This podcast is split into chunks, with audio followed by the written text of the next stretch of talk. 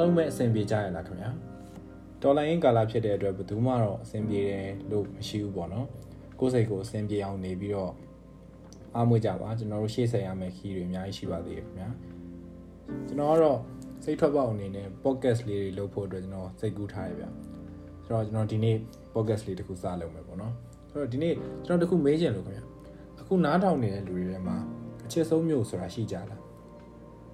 ချစ်ဆုံးမျိုးဆိုတော့မရှိဘူးဆိုတဲ့လူတော့မရှိတော့ဘူးထင်ပါတယ်လူတိုင်းမှာကိုချစ်တဲ့မျိုးတစ်မျိုးအ ਨੇ ဆုံးတော့ရှိကြမှာပဲမဟုတ်လားဆိုတော့အဲ့ဒါဆိုရင်ကျွန်တော်တို့ချစ်တာနဲ့အမှတ်တရတွေရှိတာနေကဘယ်ဟာကအရင်လာတယ်လို့ထင်လဲဗျတိတ်မရှင်းဘူးဆိုရင်ကျွန်တော်ပြောပြပါမယ်ဒီလိုဗျကျွန်တော်တို့ချစ်တဲ့မျိုးမှာများသောအားဖြင့်အမှတ်တရတွေရှိကြတယ်ဘယ်တော့ကဘယ်ကိုသွားခဲ့တာဘယ်သူနဲ့သွားခဲ့တာဘယ်လိုသွားခဲ့တာစသဖြင့်ပေါ့ပြန်တွေးလိုက်အမှတ်တရတွေအများကြီးပဲ ဆိုတော့အဲ့လိုအမှတ်တရတွေရှိခဲ့သလိုအဲ့ဒီမျိုးကိုအချစ်ဆုံးဖြစ်သွားတာလားဒါမှမဟုတ်အချစ်ဆုံးမျိုးမလို့အဲ့လိုအမှတ်တရတွေဖြစ်သွားတာလားဘယ်ဟာကအရင်လာတယ်လို့ထင်လဲဗျနိုင်ငံရေးမှာတော့ဂျားနေရမကောင်းဘူးဆိုပေမဲ့ဒီကိစ္စမှာတော့ကျွန်တော်ဂျားနေလုပ်ပြရစီဘာလို့လဲဆိုတော့ကျွန်တော်အထင်ကတော့မျိုးတစ်မျိုးကိုလကားနေရင်ချစ်သွားတယ်ဆိုတာမျိုးတော့မရှိဘူးပေါ့နော်မရှိဘူးလို့ထင်ပါတယ်ကိုယ်တိုင်လည်းအဲ့မျိုးကိုကြာကြာနေဖို့မှသွားဖို့လာဖို့မှ ချစ်တဲ့အဆင့်တန်ရုံးစင်ဖြစ်တဲ့အဆင့်ကိုရောက်မှလို့ထင်တယ်ဗျကောင်မလေးတယောက်ကိုကြိုက်တယ်လို့ပေါ့ဗျာဆိုတော့အဲ့ဒီကနေမှကိုမသိလိုက်တဲ့အချိန်မှာအဲ့ဒီမျိုးနဲ့ပတ်သက်ပြီးအမှတ်တရလေးတွေကဖြစ်သွားတယ်အဲ့လိုအနေမှာငါဒီမျိုးကိုချစ်တယ်ဆိုတဲ့အဆင့်မျိုးကိုရောက်တယ်လို့ထင်တယ်တစ်ဖက်ကကြတော့လေအမှတ်တရတွေရှိလာရင်ရှိလာရင်များလာရင်များလာရင်အနေကနေမှပို့ပို့ပြီးတော့ဒီမျိုးပေါ်မှာချစ်လာတာမျိုးတန်ရုံးစင်ဖြစ်လာတာမျိုးလို့ထင်တယ်ခင်ဗျာဆိုတော့အဲ့နှစ်ခုကတစ်ခုနဲ့တစ်ခုအမိတဟဲပြုတ်ပြီးမျှနေတယ်လို့ထင်လို့ကျွန်တော်ဂျားနေလို့ပြောခြင်းဖြစ်ပါတယ် တေးကြတာတစ်ခုကတော့အချစ်ဆုံးမျိုးဆိုတိုင်းကိုမွေးတဲ့မျိုးကြီးပြင်းတဲ့မျိုးမဟုတ်ဘူးဆိုတာပါပဲဟုတ်တဲ့လူလည်းရှိကျင်တော့ရှိမယ်ပေါ့နော်မဟုတ်တဲ့လူလည်းရှိနိုင်တာပဲဆိုတော့ကျွန်တော်မှလည်းချစ်ဆုံးမျိုးရှိခဲ့ဗျဒါပေမဲ့မွေးတဲ့မျိုးလည်းမဟုတ်သလိုကြီးပြင်းတဲ့မျိုးလည်းမဟုတ်ဘူးငယ်ကလေးကကြိုကြားကြိုကြားခဏခဏရောက်ဖြစ်ပြီးတော့ကြီးလာမှနည်းနည်းကြာကြာလေးနေပြတဲ့မျိုးပေါ့နော်ဆိုတော့အဲ့မျိုးကမန္တလေးမျိုးဆိုတော့ကျွန်တော်ကရန်ကုန်မှာမွေးတယ်မကွေးမှာကြီးတယ်ဒါပေမဲ့ ရန်ကုန်မှာကတော့မွေးပြီးကြတဲ့ကမနေတော့တာပါဆိုတော့တစ်ခါတလေတော့အတော့စီအလဲသွားမှရောက်ဖြစ်တယ်ပေါ့မကွေးကတော့ကျွန်တော်အသက်နဲ့တမျှနေလာခဲ့တာပဲဒါပေမဲ့အချစ်ဆုံးမျိုးတော့မဟုတ်ဘူးပေါ့နော်မကွေးကကျွန်တော်ငယ်ကလေးကပေါင်းလာတဲ့တငယ်ချင်းတွေကြားရင်တော့စိတ်မကောင်းဖြစ်မလားမသိဘူးဒါပေမဲ့ဒါပေမဲ့ဒါအမှန်တရားပဲဆိုတော့ဘာလို့18နှစ်လောက်နေခဲ့တဲ့မြို့ထက်ပိုပြီးမန္တလေးကိုချစ်တယ်လဲဆိုတာကိုကျွန်တော်တခုချင်းဒီမှာပြောပြသွားမယ်ပေါ့နော်ကျွန်တော်မန္တလေးနဲ့စပတ်သက်ဖြစ်ခဲ့တဲ့ဘုံအရင်ဆုံးပြောရမယ်ထင်တယ် ကျွန်တော်အဖေကမန္တလေးစာတီဆိုတော့ကျွန်တော်အဖေဘက်ကအဘတို့အဖွားတို့အတော်တို့ကမန္တလေးမှာဆိုတော့ငယ်ကလေးကခဏခဏရောက်ဖြစ်တယ်ဆိုတော့ဒီနေရာမှာတခုပြောချင်တာကရန်ကုန်မှာလည်းအမေရဲ့ညမကျွန်တော်အတော်ပေါ့နော်ရှိတဲ့အတွက်ငယ်ကလေးကခဏခဏဆိုလို့ရောက်ဖြစ်ပါတယ်ဆိုတော့ကျွန်တော်မိသားစုအကြောင်းအကြမ်းမြင်လေးပြောရရင်အမေဘက်ကမိသားစုကဟိုကလေးပေါ့ဟိုမိဘနဲ့သားသမီးဆိုရင်နည်းနည်းစီကံကြက်စီကံတော့မဟုတ်ပဲမဲ့ကြက်တဲ့ထဲမှာနည်းနည်းပါရပေါ့နော်စိတ်ပူတာပေါ့ဒီက အဖေဘက်ကတော့ free time မျိုးကြက်တဲ့ထဲမှာမပါဘူးလွတ်လပ်တယ်ဆိုတော့ငယ်ကလေးကရန်ကုန်သွားလေရတာနဲ့မန္တလေးသွားလေရတာနဲ့ဆိုရင်မန္တလေးကိုပဲသွားကျင်ခဲ့တာပေါ့နော်ဘာလို့လဲဆိုတော့မန္တလေးကိုကျွန်တော်ရောက်တာနဲ့အဖေဘက်ကအမျိုးတွေကနေရာပေါင်းစုံကိုမရောက်ဘူးမရှိရအောင်ကျွန်တော်ကိုလိုက်ပို့ခဲ့တာဆိုတော့ကစားကွင်းရအစဦးလေးရစီပင်ဝန်ထမ်းဖြစ်တော့ကြတော့ကျုံထဲမှာရေမော်ဆဲတဲ့သင်္ဘောကြီးတွေစီးတာအဆုံးဗျာကျွန်တော်ငယ်ကလေးကအတွေ့အကြုံပေါင်းစုံရခဲ့တယ်ဆိုတော့မှတ်မှတ်ရရ ပြောရရင်ရေမော်သင်္ဘောစီးတာကိုအမေသိသွားတော့အဖေကိုစူတာကျွန်တော်မှတ်မိသေးတယ်ကလေးကိုအဲ့လိုအန်ဒီရရှိတဲ့နေရာကိုခေါ်သွားအောင်လားဆိုပြီးတော့ဒါလေးကတော့အမှတ်တရတစ်ခုပါပဲအဲ့ဒါကြောင့်ငယ်တော့ကမန္တလေးကိုသွားလဲပြီဆိုရင်အမေကိုမပါစေချင်ဘူးဘာလို့လဲဆိုတော့စိတ်ပူတယ်လို့ရန်ကုန်သွားရင်တော့အတော်တို့ကစားကောင်းတော့ဖွယ်တွေကိုတော့မယူအောင်ကြွေးကျင်ကြွေးလိမ့်မယ်ဗျာဒါပေမဲ့ရှောက်ပြီးမလဲခဲ့အောင်ဆိုတော့ကျွန်တော်ကတော့စားတာနဲ့လဲရလဲရလောက်ရတာဆိုလဲရလဲရရှောက်သွားရတာကိုပိုးကြိုက်တဲ့လူမျိုးဆိုတော့မန္တလေးကိုငယ်တော့ငယ်ရကြိုက်ခဲ့တာ ဆိုတော့အခုတိရှိသေးတဲ့62လမ်းမှာမနောရမန်ကစားကွင်းတို့ကျုံတဲ့ရေမော်ဆယ်တဲ့သင်္ဘောစီးတာတို့ပြီးပြင်းဦးလင်ခဏတိုင်းရောက်သွားလို့ရတာတို့ကမန္တလေးပေါ်မှာစပြီးတန်ရောက်စဉ်ဖြစ်တယ်လို့ထင်ပါတယ်မကွေးမှာကြတော့လေဗျာမိဘနဲ့တသက်လုံးနေလာတဲ့မြို့တငယ်ချင်းတွေလည်းရှိတဲ့မြို့ဆိုတော့တငယ်ချင်းတွေနဲ့အမှတ်တရတွေနဲ့ကတော့ဘာနဲ့မှလဲမရအောင်ရှိတာပေါ့ဒါပေမဲ့မြို့ပေါ်မှာတန်ရောက်စဉ်ကတော့ daily routine လို့ဖြစ်နေတဲ့အတွက်တန်ရောက်စဉ်ရှိပေမဲ့မြို့ကို favorite ဖြစ်ရလာအောင်မျိုးကြီးတော့မဟုတ်ဘူးပေါ့ ဒီလိုနဲ့ကျွန်တော်ကိုရန်ရောက်ခဲ့တယ်ပေါ့ကိုရန်ရောက်တဲ့အချိန်မှာကျွန်တော်အစာမလုပ်တော့အမေတို့ကကျွန်တော်မန္တလေးစီရီကိုပို့မယ်ဆိုပြီးစီစဉ်ကြပါတယ်စီစဉ်ကြတဲ့အချိန်မှာကျွန်တော်တသွားကျင်နေဆိုတဲ့စိတ်လည်းအဲတော့မဖြစ်သလိုမသွားကျင်ဘူးဆိုတဲ့စိတ်လည်းမဖြစ်ဘူးပေါ့နော်ဒီတိုင်းပဲလွှင့်သွားလိုက်မယ်ပေါ့ဆိုတော့ဒါပေမဲ့တကယ်ရောက်သွားတဲ့အချိန်မှာမန္တလေးကိုနေကျင်တဲ့စိတ်တွေကြိုက်တဲ့စိတ်တွေကပို့ပို့ပို့ပို့တိုးလာတယ်ပေါ့ကျွန်တော်ကိုရန်စီအဆောင်ဝင်ခွင့်ဖြေတော့အဆောင်နေဖို့အတွက်မအောင်ခဲ့ဘူးခင်ဗျဟို ဒေးတက်ဖို့ပဲအောင်တယ်ပေါ့နော်ဆိုတော့ဒါပေမဲ့ကံကောင်းကျင်တော့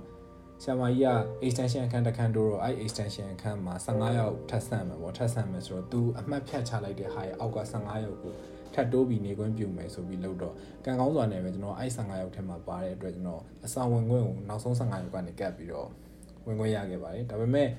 စီအိမ်မှာကျွန်တော်တို့ရက်20ဆိုပြီးတော့အစမ်းတက်ရတယ်ဗျာနှွေရသည်ပေါ့နော်ဆိုအဲ့ရက်20မှာတော့ကျွန်တော်အဆောင်နေခွင့်မရဘူးဒါပေမဲ့အတီတက်တဲ့အချိန်ကျရင်တော့အဆောင်နေလို့ရမှာပေါ့ ဆိုတော့ကျွန်တော်ရက်20နေဖို့အတွက်တိုက်ခန်းစီစဉ်ရပါတယ်အစကတော့မန္တလေးမှာ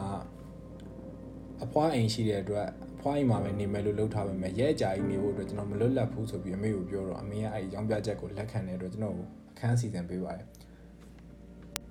အဲ့ဒီအခန်းက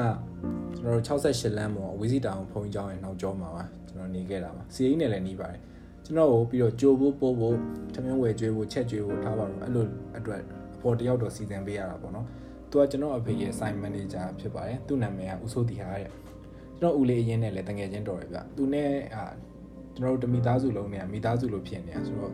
သူဖေ့စီမှာစပြီးလို့လို့တော့ကျွန်တော်ကသုံးတယ်။ចောင်းကြိုတာပို့တာသူပဲလုပ်ပေးခဲ့တာ။ရှင်းရှင်းပြောရင်သူနဲ့ကဟိုဦးလေးလိုအရွယ်ဖြစ်ပင်မဲ့ညီကိုလိုပဲဗျာ။ပြီးတော့ तू ကလည်း လွတ်လပ်တယ်ကျွန်တော်အလိုလိုက်တယ်ပေါ့ခုနပြောသလိုအဖေရဲ့ဘက်ကအမျိုးနဲ့အမေဘက်ကအမျိုးရှင်းတယ်လို့မျိုးပြောရမယ်ဆိုရင် तू ကအဖေဘက်ကအမျိုးမျိုးနဲ့တူတယ် free ပေါ့နော်ကျွန်တော်အလိုလိုက်တယ်အလိုလိုက်ရုံနဲ့မကောက်ဘူး तू ကအိမ်ကိုလည်းပပနဲ့နဲ့ပြောရတယ်ဆိုတော့ကျွန်တော်အလိုလိုက်တဲ့အပြင်အိမ်ကလည်းသူနဲ့ဆိုရင်စိတ်ချတယ်ဆိုတာမျိုးဖြစ်တဲ့အတွက်ကျွန်တော်တို့ကတော့တည်တဲ့အတိုင်းပေါ့ဝင်းဝင်းပေါ့ဆိုတော့အဲ့လိုလူမျိုးနဲ့ကျွန်တော်မန္တလေးမှာတလလွတ်လွတ်လပ်လပ်နေရမယ်ဆိုတော့ပြောပြီးပေါ့ ကျောင်းပြီးချိန်ဆိုရင်ရှောက်သွားစနေတနင်္ဂနွေဆိုရှောက်သွားဆိုင်ကယ်တစ်စီးနဲ့နှစ်ယောက်သားမြို့ပတ်ပေါ့သူကလည်းအိမ်ကိုမတိအောင်တစ်မျိုးတိအောင်တစ်ဖုံကျွန်တော်ကိုနေရာပေါင်းစုံပို့ခဲ့တာဆိုတော့အဲ့ရက်20အတွင်းမှာကျွန်တော်အခုတက်ထိမေ့မရတဲ့ခီးစဉ်တစ်ခုရှိတယ်ဗျပြောပြမယ်မန္တလေးအခုနားထောင်နေတဲ့လူတွေထဲမှာမန္တလေးကမဟုတ်တဲ့လူတွေဆိုရင်ဘူးတုဒရရအောင်เนาะတစ်ချက်သွားကြည့်ပေါ့အမရရကျောင်းတက်တဲ့ဒုတိယအပတ်ပေါ့เนาะပိတ်တဲ့စနေနေ့မှာကျွန်တော်မနက်ကြီးအစောကြီး68လမ်းနဲ့ ကျွန်တော်နေတဲ့နာ32လမ်းထောင်းကပါ president လက်ဖိတ်ဆိုင်မှာကျွန်တော်မနက်စာစားရဲစားပြီးတော့ကျွန်တော်35လမ်းတစ်လျှောက်အထက်ကိုတက်ပြီးတော့ပြုံးလင်ထွက်တဲ့ဘက်ကိုသွားပါတော့ပြုံးလင်လမ်းပိတ်သွားပြီးတော့လမ်းဆုံးသွားပြီးတော့ပြုံးလင်လမ်းခွဲကြတော့ကျွန်တော်တို့ကညာဘက်ကိုပြုံးလင်ဘက်ကိုမသွားတော့ဘဲနဲ့ဘယ်ဘက်ကိုသွားပြီးတော့ပသိမ်ကြီးဘက်ကနေ16လမ်းကနေပြန်ဝင်မြို့တစ်ပတ်ကြီးပေါ့35လမ်းကနေတစ်ပတ်ကြီးပတ်ပြီးတော့မလေးတောင်ပေါ်တက်တယ်မလေးတောင်ပေါ်ကနေဆင်းတော့ကျွန်တော်တို့88လမ်းတစ်လျှောက် 88လမ်းတစ်လျှောက်ထွက်လာခဲ့ပြီးတကွန်တိုင်းဝိုင်းထီရောက်တကွန်တိုင်းဝိုင်းထီရောက်တဲ့အချိန်ကျမှကျွန်တော်တို့အမြန်လမ်းပေါ်တက်ပြီးတော့ကျွန်တော်ဒုထရီမြေကိုကြော်တယ်ပေါ့နော်ဒုထရီမြေတရားကိုကြောကြောလိုက်ချင်းမှာညာဘက်ကိုဆင်းလိုက်ရင်ရွာရီတွေပဲရွာရီတွေကနေဖြတ်ပြီးတော့ကျွန်တော်တို့အင်းဝါကိုရောက်တယ်ဆိုတော့အင်းဝါကိုမှကျွန်တော်ရှောက်လေပေါ့မန်နူအုပ်ကျောင်းတို့ဘာလို့တခြားမမှတ်မိတော့ပြန်လေလေပြီးတော့အော်မန်နူအုပ်ကျောင်းမှာတော့ကျွန်တော်အုံးရီတောက်ခဲ့သေးတယ်ဆိုတော့ပြန်တော့ကျွန်တော်တို့မန်နူအုပ်ကျောင်းကနေပြီးတော့ပြန်တဲ့ခါမှာ လာတဲ့လမ်းအတိုင်းမပြန်တော့ဘဲနဲ့လာတဲ့လမ်းကအမြန်လမ်းရဲ့ဒုထရီတလားကနေဖြတ်ပြီးလာတာဆိုတော့အဲ့လိုမပြန်တော့ဘဲနဲ့အင်းဝါမှာဇက်စိတ်ရှိရယ်ဇက်စိတ်ရှိတော့ကျွန်တော်တို့ကဆိုင်ကယ်ကိုဇက်ပေါ်တင်ပြီးတော့ဒုထရီမြေကိုတင်မောဇက်နဲ့ကူးလိုက်တာဇက်နဲ့ကူးလိုက်တော့ဒီဘက်ကန်းမန်လေးဘက်ကန်းရောက်တော့ဘယ်ကိုရောက်သွားလဲဆိုတော့စကိုင်းနဲ့မန္တလေးလမ်းကွဲဗျာနှာပေါအဝိုင်းလို့ခေါ်လာမသိဘူးအဲအဲ့နားကိုတန်းရောက်သွား ဆိုတော့အဲ့ဒီကနေမှကျွန်တော်တို့ဖျားကြီးသွားတဲ့ဘက်ကိုပြန်ဝင်ပြီးတော့အဲ့အဲ့လမ်းကိုဘာလမ်းလို့ခေါ်ရလဲတော့မသိဘူးတောက်လျှောက်မျိုးတွေကိုပြန်ဝင်ပေါ့အဲ့ပြီးတော့မှ26ပြီလမ်းကျွန်တော်တို့ဟိုဈေးကြိုပေးလမ်းရောက်တဲ့အချိန်ကျမှမျိုးတွေကိုပြန်ပြီးတော့ပြန်ဝင်တာပေါ့နော်ပြန်ဝင်တော့ဈေးကြိုမရောက်ခင်ကျွန်တော်တို့ချင်းသိန်းနှစ်ကောင်လားဘာကောင်ကြီးနှစ်ကောင်လဲတော့မသိဘူးအဲ့နားမှာဟိုဟာမြန်မာသမင်းဆိုင်လေးရှိတယ်ဗျအဲ့မြန်မာသမင်းဆိုင်လေးဟိုမှာကျွန်တော်တို့နေ့လည်စာဝင်စားရပေါ့နော်အဲ့ဒါလည်းလုံးဝအမှတ်တရပါပဲကျွန်တော်အဲ့ဒီဆိုင်ရဲ့နေရာကိုအတိအကျမမှတ်မိတော့အတိအကျသာမှတ်မိကျွန်တော် မန်းလေးကိုခုပြန်ရောက်တဲ့အချိန်ကျရင်သွားစားပြစ်လိုက်မယ်ထင်တယ်ဘာလို့ဆိုအမှတ်တရအနေနဲ့ပေါ့အဲ့တော့အမှတ်တရရှိခဲ့ဆိုပြီးတော့ကျတော့မှသာအဲ့ဒီကနေစားပြီးတော့ကျွန်တော်တို့ diamond ကိုဝင်တယ်ပေါ့ diamond ကိုဝင်ပြီးတော့ကျွန်တော် season မှာကျွန်တော်အေးတောက်ကြတယ်မမိသေးတယ်အေးတောက်ပြီးတော့မှကျွန်တော်တို့အခန်းကိုပြန်ပြီးနားတယ်ပေါ့နော်ဆိုတော့အဲ့နေတနေ့အဲ့လိုကုံဆုံးခဲ့တယ်အဲ့ဒီနေ့ကတော့ခုတက်ထိအမှတ်ရနေတယ်လုံးဝပြန်တွေးလိုက်ရင်လက်လက်ဆက်ဆက်ရှိနေသေးတယ်အမှတ်တရတစ်ခုပဲပေါ့တော့ တော့မန္တလေးကိုငယ်ကလေးကခဏခဏရောက်တယ်ဆိုပေမဲ့ငယ်ငယ်တော့ရောက်တာဆိုတော့လမ်းတွေကိုမမှတ်ဘူးဗျအဲ့တော့လမ်းတွေကအဲတုန်းကဒီတေချာမသိဘူးဆိုတော့အဲ့နေလျှောက်သွားလိုက်တဲ့နေ့မှာမှစပြီးတော့ကျွန်တော်လမ်းတွေကိုစပြီးတော့မှတ်ခဲ့ရအဲ့တော့မန္တလေးကနံပါတ်တွေနဲ့ဖြစ်တဲ့အတွက်လွယ်တယ်လို့ဆိုပေမဲ့မျက်လုံးထဲမှာကိုယ်ကိုယ်ကွက်မြင်ပြီးစတည်တာအဲ့နေမှာစတည်တာပေါ့နော်ကျွန်တော်အဲ့ချိန်မှာမန်းလေးကိုတော်တော်ဟောဖြစ်သွားပြီပေါ့ပြန်တော့ပြန်ကျင်တော့ရန်30ကျောင်းပိတ်တဲ့အချိန်မှာတကြံပိတ်တဲ့အချိန်မှာပေါ့ ဆိုတော့ကျောင်းပြန်ဖွင့်တော့အတီဖွင့်တဲ့အချိန်ကျတော့အဆောင်ကရပြီဆိုတော့အဆောင်ထဲမှာပဲနေရတော့ရှောက်သွားလို့မရတော့ဘူးပေါ့နော်ဒီညမှာတခုတွေးမိတာမကွေးမှာအသက်တမြနေခဲ့ပေမဲ့လည်းအရန်ရင်းနှီးပြီးပေါင်းတာ10ယောက်လောက်ပဲရှိတယ်အရင်ကြီးတွေလောက်ပဲရှိတာဗျာတခြားလူတွေနဲ့ကတိရခင်လာခင်နေဆိုတာထက်ပိုပြီးကြီးမကြိုက်ဘူးစီအိမ်မှာတော်တော်များများနဲ့ကကိုနဲ့ပေါင်းလို့အဆင်ပြေတယ်ဆိုတာကိုသိလာတယ်9ရန်း10ရန်း2နှစ်ထဲနဲ့မှညီကိုလိုခင်သွားတဲ့တငယ်ချင်းတွေတပုံကြီးရသွားတာ ဆိုတော့အဲ့ဒါမန္တလေးနဲ့တော့ဓာတ်ရိုက်မသက်ဆိုင်ပဲကျွန်တော်စိတ်ထဲမှာအော်ငါမန္တလေးနဲ့တော်တော်ကြီးကြိုက်တာပါလားဆိုပြီးတော့နှလုံးသွင်းလိုက်ပါသေးတယ်ဆိုအောက်ဘတ်တွေမှာဆိုလဲလိုရာတွေမြို့ပတ်ပြီးရှာရဝယ်ရတာတွေအမှတ်တရတွေအများကြီးဖြစ်စေပါတယ်လမ်းတွေကိုကျွမ်းယုံနေမကောင်းဘူးဘယ်နေရာမှာဘာရှိတယ်ဆိုတာအစအဲ့ဒါအသင်ပေးတော့တာပါပဲဆိုတော့ဒီညမှာနောက်ပိုင်းမန္တလေးနဲ့ပတ်သက်တဲ့ကိစ္စတချို့ပြောဖို့အတွက်မပြောမဖြစ်တဲ့ကိစ္စကတော့ကြိုပြောထားမှထင်ပါတယ်အဲ့တော့ကျွန်တော်10တန်း စာမွေးပြီးတဲ့နေ့မှာပဲကျွန်တော်ကောမလေးရခဲ့ပါတယ်ဒါပေမဲ့အခုတော့အကြောင်းအကြောင်းကြောင်းလမ်းခွဲလိုက်ပါပြီဒါကဟိုနောက်မန္တလေးနဲ့ပတ်သက်တဲ့အမှတ်တရတချို့အတွက်ပြောကိုပြောရမှာမလို့ထည့်ပြောလိုက်တာပါဒီလိုနဲ့10တန်း result တွေထွက်တဲ့အချိန်ရောက်လာတာပေါ့ဗျာကျွန်တော်ဗာတက်ရမလဲစဉ်းစားတဲ့အချိန်မှာကျွန်တော်အမှတ်ကဟိုနဲမှာဆိုရင်ပေါ့နော်နဲ TU တွေတက်မယ်ဆိုရင် TU မိတယ်ဆိုပေမဲ့ကျွန်တော်ကကွန်ပျူတာပဲဝါသနာပါတဲ့အတွက် CU တက်မယ်လို့စိတ်ကူးတယ်အဲ ဆုံးဖြတ်ချက်ချလိုက်တယ်ပေါ့အဲ့တော့အမေကလည်းဟို CU တက်မှာဆိုရင်တော့ CU မတက်ခင်မှာ MIID ကို try ကြည့်ဆိုပြီးပြောတယ်အမှန်တိုင်းပြောရင်ကျွန်တော်10တန်းပြီးတာမှမကြသေးဘူးစာမလုပ်ချင်တဲ့အတွက်အမှန်တိုင်းပြောရင် MID ကိုလုံးဝမဖြေချင်ဘူးဗျာဒါပေမဲ့အဲတော့ကတော့ရီးသားကိုတွေးချင်တော့ကြတော့သွားဖြေဆိုတော့သွားဖြေလိုက်ပါတယ်ဟောသွားဖြေတယ်ဆိုတာထက်ဖြေဖို့အတွက်တင်တန်းတက်ရတာပေါ့နော်တင်တန်းတက်ရင်မန္တလေးကိုသွားလို့ရတယ်ဟုတ်ဆိုတော့အဲ့ဒါနဲ့သွားပါတယ်ဆိုတော့တင်တန်းကစနေတနင်္ဂနွေဗျာကျွန်တော်ကဂျား9ရက်မှာလဲ မကွေးမှာအင်္ဂလိပ်စာတင်တန်းရှိသေးတော့ကျွန်တော်အပတ်စဉ်တောက်ကြနေဆိုရင်မန္တလေးကိုသွားတနင်္ဂနွေနေ့ဆိုရင်မကွေးကိုပြန်နဲ့အပတ်တိုင်းလို့သွားတက်ခဲ့တာပါတင်တန်းတက်တယ်ဆိုတာလည်းဗျအမီကန်ပဲရှိတာပါတင်တန်းကမနေ့၈နာရီကနေ၁၂နာရီထိ၁၂နာရီနောက်ပိုင်းကတညက်နေလုံးအားနေတာဆိုတော့စားမလို့ဖက်နဲ့ကျွန်တော်ကသူနဲ့တွေ့ရရက်ဆိုတွေ့မတွေ့တဲ့ရက်ဆိုရင်ကျွန်တော်စီအေးတော့တငယ်ချင်းတွေနဲ့ရှောက်သွားပါတော့အဲတော့ဆိုရင်ဟိုတငယ်ချင်းတွေကသာလူပြောင်းရင်ပြောင်းသွားတယ်ကျွန်တော်ကဒိုင်ခံပြီးမပြောင်းရှောက်လဲတာဆိုတော့အဲတော့ဆိုင်ကမပါဘူး မြို့အနှံ့အိုးဝေတို့ grab တို့နဲ့ပဲပတ်သွားခဲ့ရတာအခုချိန်ထိအမှတ်တရပဲအဲဒီအိုးဝေတို့ grab တို့သုံးမိန်းလေးစီရတဲ့ feeling ရတယ်အမှတ်ရနေအခုထိပဲဆိုတော့ MID result ထွက်လာတော့ထင်ထားတဲ့အတိုင်းပါပဲမအောင်မအောင်ဆိုတော့အဲ့ဒီချိန်မှာငကိုရီမှန်းထားတဲ့အတိုင်းပဲကျွန်တော် CU တက်ဖို့လုပ်ပါတယ်အဲ့ဒီချိန်မှာတော့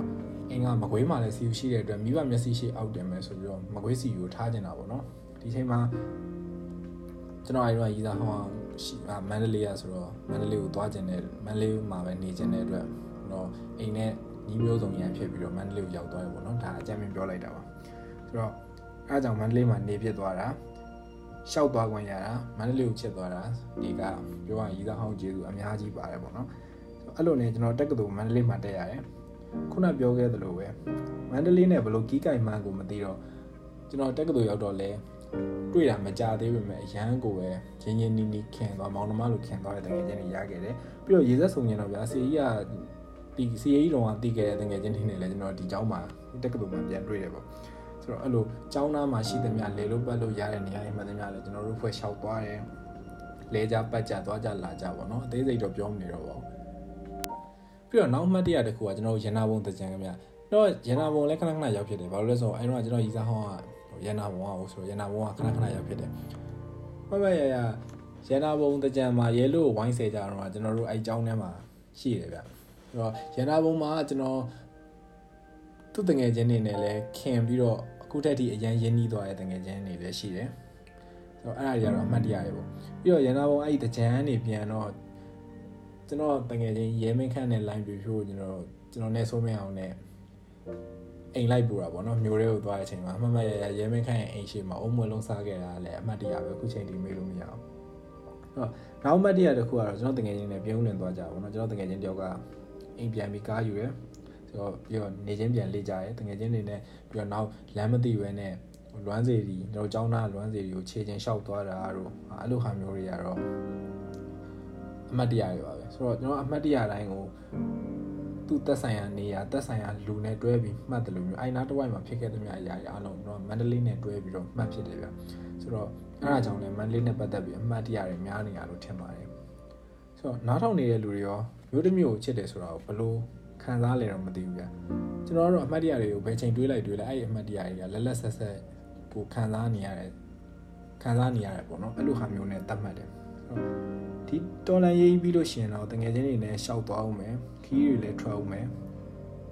ဒါတွေအကုန်လုံးကလည်းမန္တလေးနဲ့တွဲပြီးအမှတ်တရအဖြစ်ရှိနေမှာပါ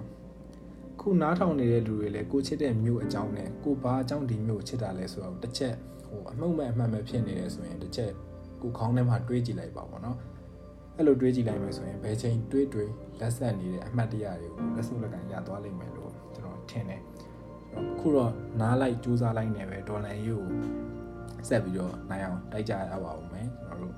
ဒီ podcast နားထောင်နေတဲ့လူတွေအကုန်လုံးကကျွန်တော်ခင်တဲ့လူတွေကိုပဲပေးတည်ထားဖြစ်တဲ့အတွက်အကုန်လုံးနဲ့ခင်ပါတယ်ကျွန်တော်တို့ဒီဒေါ်လာရေးပြီးရင်ပြန်တွေးကြပါမယ်ကျေးဇူးတင်ပါတယ်နားထောင်ပေးလို့